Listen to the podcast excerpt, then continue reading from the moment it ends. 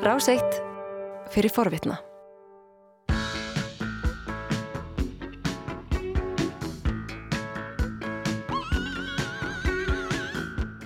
Hæ þú, ég frétti að þið langaði að heyra fleiri ástarsögur, svo hér er smá aukaefni. Þessi saga var upprunnilega flutt í þáttaröðinni Grár Köttur árið 2019. Hún fjallar um kynlífstúku.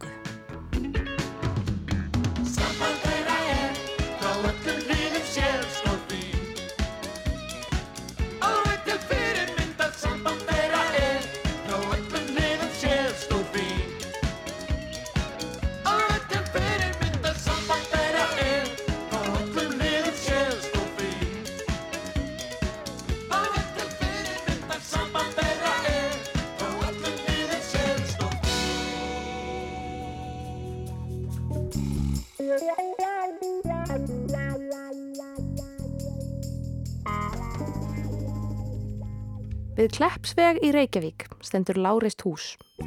Það er skerrbleikt og gluggalust og oftar en ekki koma gestir þess eilítið kindarlegir út. Raunar fara þeir þá yfirleitt frekar kindarlegir inn líka, eða jáfnvel flissandi, eins og ungumennirtir sem röldu inn á undan mér fyrr í vikunni.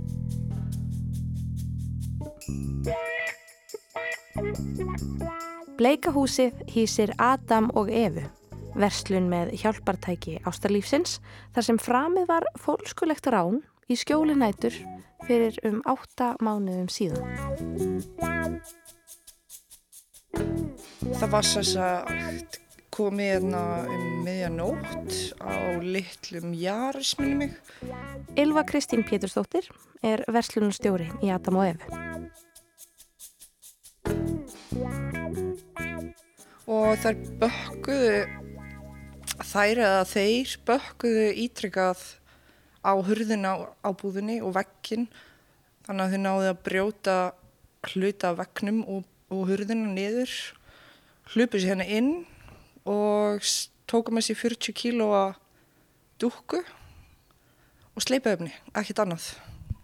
Ekkert annað? Ekkert annað. Það var ekki farið í kassan eða neitt Nei, nei bara þetta Dúkka og sleipiefni. Það var allt og sumt.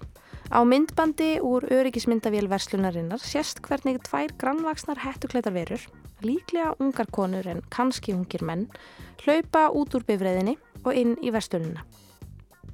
Við höfum heist margar sögur, svo best sem ég veit þá hefur þetta verið fyrir einhvern annan. Þær hafa verið bæðinar um að taka þetta fyrir einhvern annan. En það er eiginlega eðurlegana þegar það voru reyna kominni út því að hún er rosalega þung og það er mistuna ítrekka í jörðina eins og sást að myndbandi. Dúkkan og bílinn sem var á stólnum númurum fundust setna sama dag. Ég veit ekki hvort hún hafi verið nótið. Við, við báðum aldrei um að fá hann aftur og hérna, enda ekki tægt að selja hana eftir þetta þannig að lauruglan er bara enda með hana. Hvað kostar svona dúkka eins og þessi sem var nýmuna brott?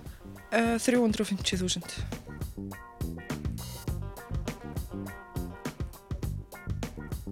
En þetta var auðvitað engin venjuleg dúkka. Hún heitir Kitty og hún er kynlífsdúkka. Kitty er ljósærð. Hún er 1,68 á hæð og með græn augu. Holdið er úr mjúku sílikonni og beinagrindin er búin til úr riðfríu stáli. Hún notar brjóstaaldra í D-köpp og fött í ekstra smól. Þrátt fyrir íktan líkamann er hún óhugulega raunveruleg. Á heimasíðu framleganda hennar er tekið fram að liðamót hennar séu færanleg og beigjanleg. Alveg eins og á alvöru konu. Það er seldist upp eftir þetta rán. Þetta var, að ég minna, eitthvað gott kom úr útrúsið. Þetta hefur verið góð auðlýsing og einhverjir hafa séð þarna eitthvað sem þeim vantaði. Og núna eftir síðustu sendingu sem við fengum þá er ein eftir og við erum með hana bara á kassa bakvið. Það, hérna, var svo mikið verið að káfa þeim og potið þær að hérna, það var eiginlega bara ekki hægt að hafa þær svona til sínis. Miða við hversu oft er káfað á konum af holdi og blóði án þeirra samþykist þarf líklega ekki að koma óvart að fólki sé ekki treystandi til að umganga stúku af virðingu. Það eru þó margar aðrar kynlífstúkur í versluninni en þær eru af öðrum toga. Þessar sem við erum með hérna frammi eru kannski svona hefðbundnari. Þær eru úr plasti eða PFC efni sem er svona plastlíki og þetta eru þessar klassísku uppblásanlegu dúkur og með svona eins og 3D prentuðu andliti þannig að það er í raun og verið ekkert, það er ekki tár eða, eða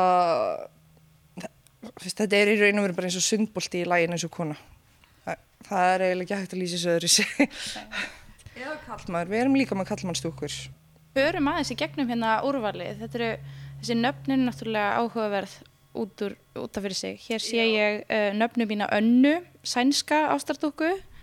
Uh, já. þessi heitir Lulu Lulu. já, African Queen. já Emme. svo er hérna Diana fimmleika stelpa kona Og hérna hinum megin að þá er, Þetta erum við svolítið af til dæmis frægu fólki. Við erum með Lindsay Lohan, Paris Hilton, Britney er uppselt hjá okkur, við höfum átt hana. Það er auðvitað eitthvað gríðarlega óþægilegt við að frækt fólk sé hlutgert með svo kynferðislegum hætti. Ylva segir að slíkar dúkkur séu oftast kiftar í tengslu við stekjanir og gæsanir í gríni en auðvitað vekur þetta spurningar. Nú þegar má finna myndir og myndskeið þar sem andlitum frægra einstaklinga hefur verið skeitt saman við líkama fólks í kynferðislegum aðtöfnum. Slíkri tækni flegir fram. Í framtíðinni getur verið erfitt að greina á milli raunveruleikans og fölsunar. Þá getur verið mögulegt að framlega myndefni eða jafnvel dúkkur með hvaða andliti sem er. Jafnvel mínu eða þínu, án okkar leifis. Við eigum líkam okkar, en eigum við ímynd hans. Þetta getur oft verið alveg stór tekjulund fyrir klámstjörnur til dæmis að selja eftirlíkingar af píkunni. Vá, þannig að alveg, alveg svona, þannig að þá bara búið að setja Já. gifs og... Já, hafa bara búið að móta alveg eftir þeim og uh, eins með svona dildo eða gerfilimi. Það eru oft verið þannig það sem að þeir eru að græða mikið á því að búa til að þeir vilja meina allavega nákvæma afstæpju. Finnst þér skrítið að vera, þú veist, að einhver njóti þess að vera, eins og segir, með sundbolta í formi kvennmanns? Ah, Já, ég, nei, maður er svolítið búin að aftengja sig frá svona hlutum með því að vinna hérna. Mér finnst þetta, mér finnst þetta kannski ekki skrítið en, en hérna, mér finnst þetta samt pínu óskiljanlegt. Bara, bara upp á sko áferðin að gera. Ég myndi þó frekar skilja eins og sílikondúkurnar, þessar dýru, því þær eru allavega mjúkar og, og svona aðli, aðlilegri viðkomi. Getum við séð þessa sem er baka til? Uh, já, við getum allavega, allavega reynd að kíkja á hana. Ok.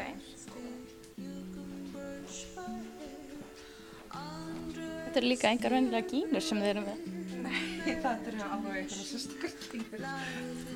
Já, já mjög stórbrjósta. Já, mjög stórbrjósta. En það hef ég verið spurð oftar en einu sinni hvort sé hægt að kaupa svona kynir. Já, það. Já, eflust í sama tilgangi og dúkkurnar. I'm a blonde bimbo girl in a fantasy world. Dress me up, make it tight. I'm your dolly. You're my doll, rock and roll. Feel the glamour in pink. Kiss me here, touch me there, hanky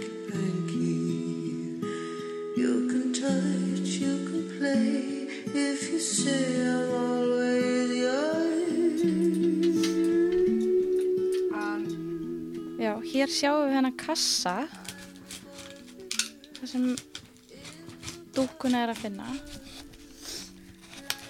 Þetta er vandlega pakkað inn. þetta er alveg, eins og ég segi, þetta er síðasta. En þessa sílikandúkur komið einmitt líka í öllum stærðum. Og, og hérna, en þar eru einmitt svona flestar mjög yktar í útliti.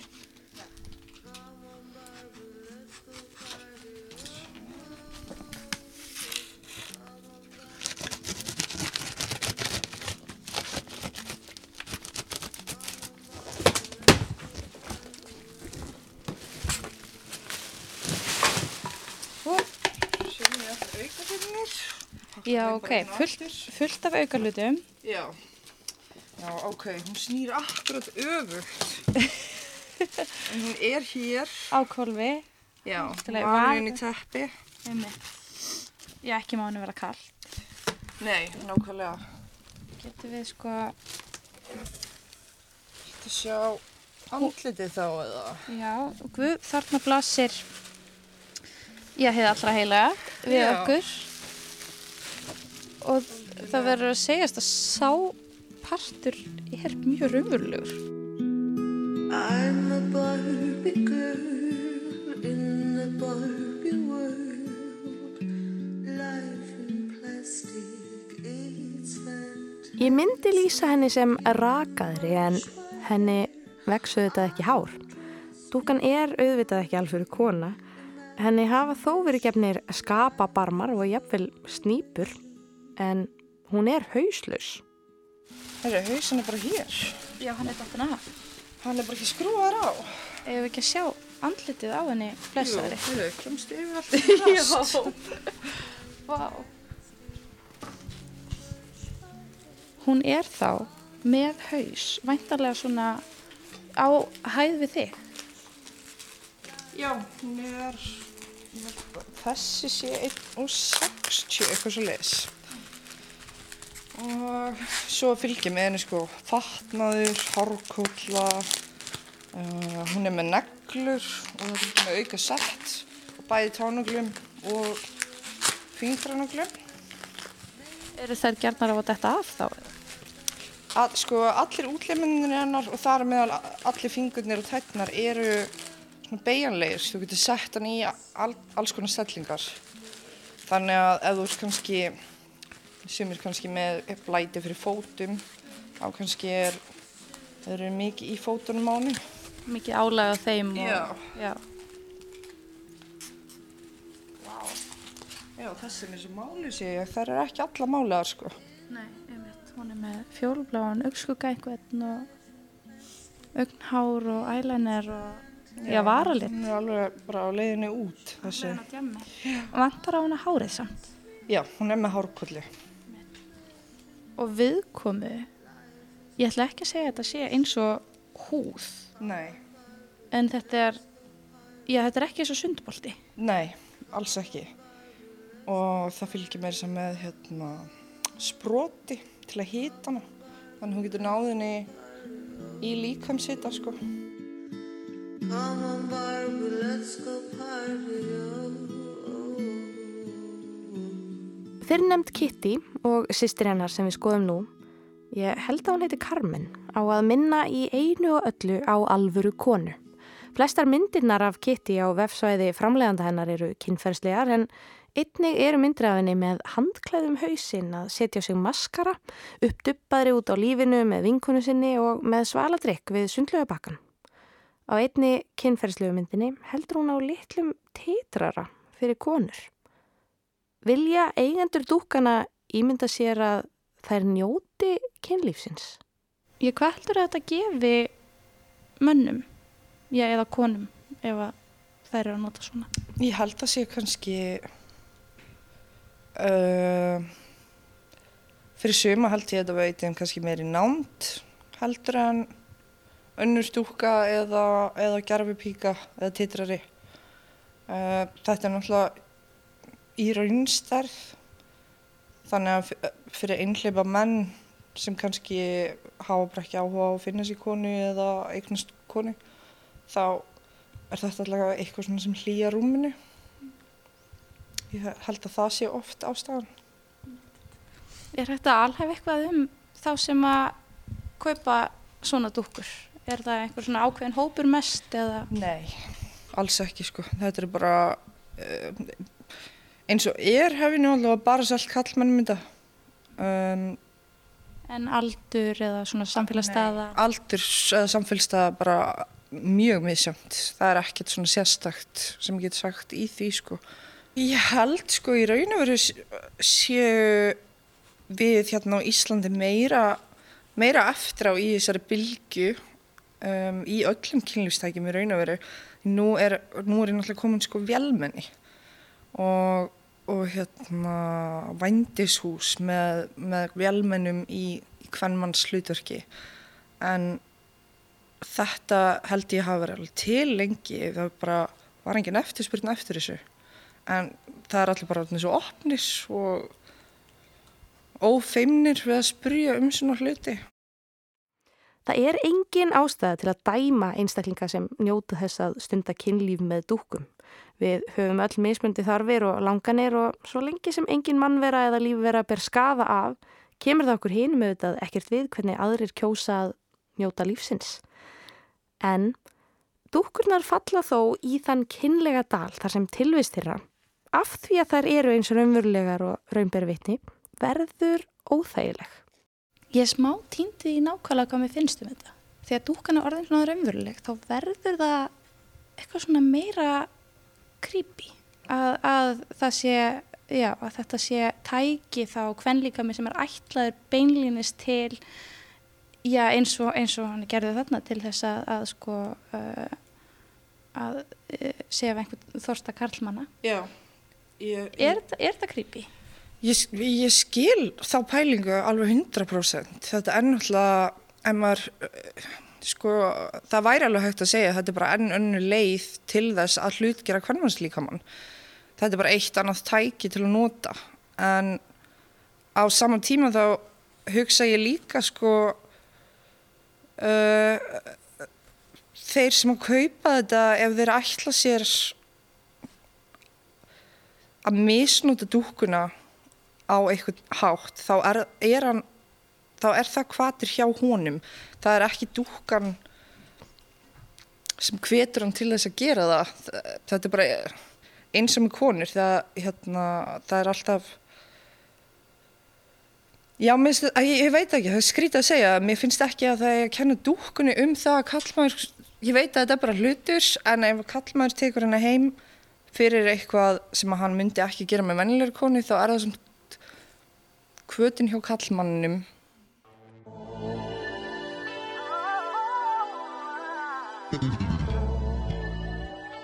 Ég hef hugsað svolítið um þetta sem Ylva er að segja hér. Dúkkur geta auðvitað ekki gefið samþykki fyrir því sem er gert við þær og af hverju skildi það skipta máli. Þær eru bara hlutir. En innmitt þar leikur hundrun grafin. Konur og líkamar þeirra hafa verið hlutgerðir með svo grófum hætti í gegnum aldrinnar og fyrir konu getur það verið frústrirandi að horfa upp á hlutgerfinguna verða svo bókstaflega, verða að Kitty og Carmen. Og Ylva, sem er sérfræðingur í hjálpartækjum ástalífsins, veit að þróunin er oft hannig að karlmenn eru ekkert endilega góðir við dúkurnar. Sumir myndu segja það jákvætt að slíkir notendur fái útrás fyrir sínar kendir án þess að raunveruleg manneskja hljóti skada af. Aðarir tala um normalíseringu nöðgana og ofbeldis. Umræðan verður svo enn flóknari þegar kemur það svo kallum kynlífs vélmennum sem hafa gerfigreint og geta hlaupið eftir öllum duttlungum notandans og hólíkt raunverulegum konum. Sú þróun er þegar eiga sér stað. Hugsaðum rattstýrðu aðstofamennina Siri, Cortana og Alexu, hvernmannsrattir sem þjóna okkur. Saminuðu þjóðirnar sáu ástæðu til að búa til skýrslu um málið. Súpeð titilinn Ég myndi róðna ef ég gæti en þannig svaraði Siri ef maður kallaði hana tussu. Skýrslan segir að rattirnar séu undirgefnar og þólinnmóðar gagvart slæmri meðferð. Það eitt og sér sendi hættuleg skilabóð. Það sem Ylva er að benda á er að þó svo að ólíkt alvöru konum séu Kitty og Carmen búnar til í kynferðslegum tilgangi eru þær ekki ætlaðar til ofbeldis. Nuðganir eru aldrei þólandanum að kenna hvort sem þólandin er alvöru manneskja eða dúka. Hvort óhemjur unverulegar kynlífstúkur séu af hinnu góða eða slæma snýst auðvitað ekki um réttindi dúkna, heldur um hvers konar kynlíf notendur þeirra venja sjá að stunda.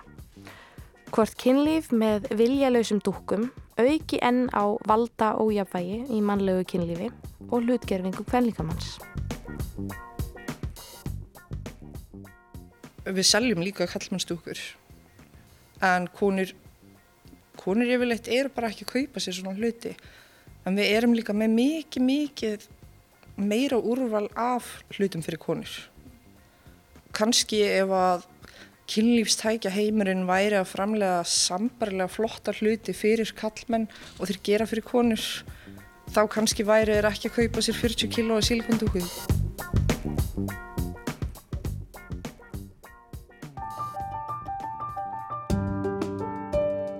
Varst að hlusta á hlaðvarpsþátt frá Rás 1. Ef þið langar til að heyra meira, farðu þá á rúf.is skástrygg hlaðvarp eða spilaran á rúf.is skástrygg útvarp. Rás 1 fyrir forvitna.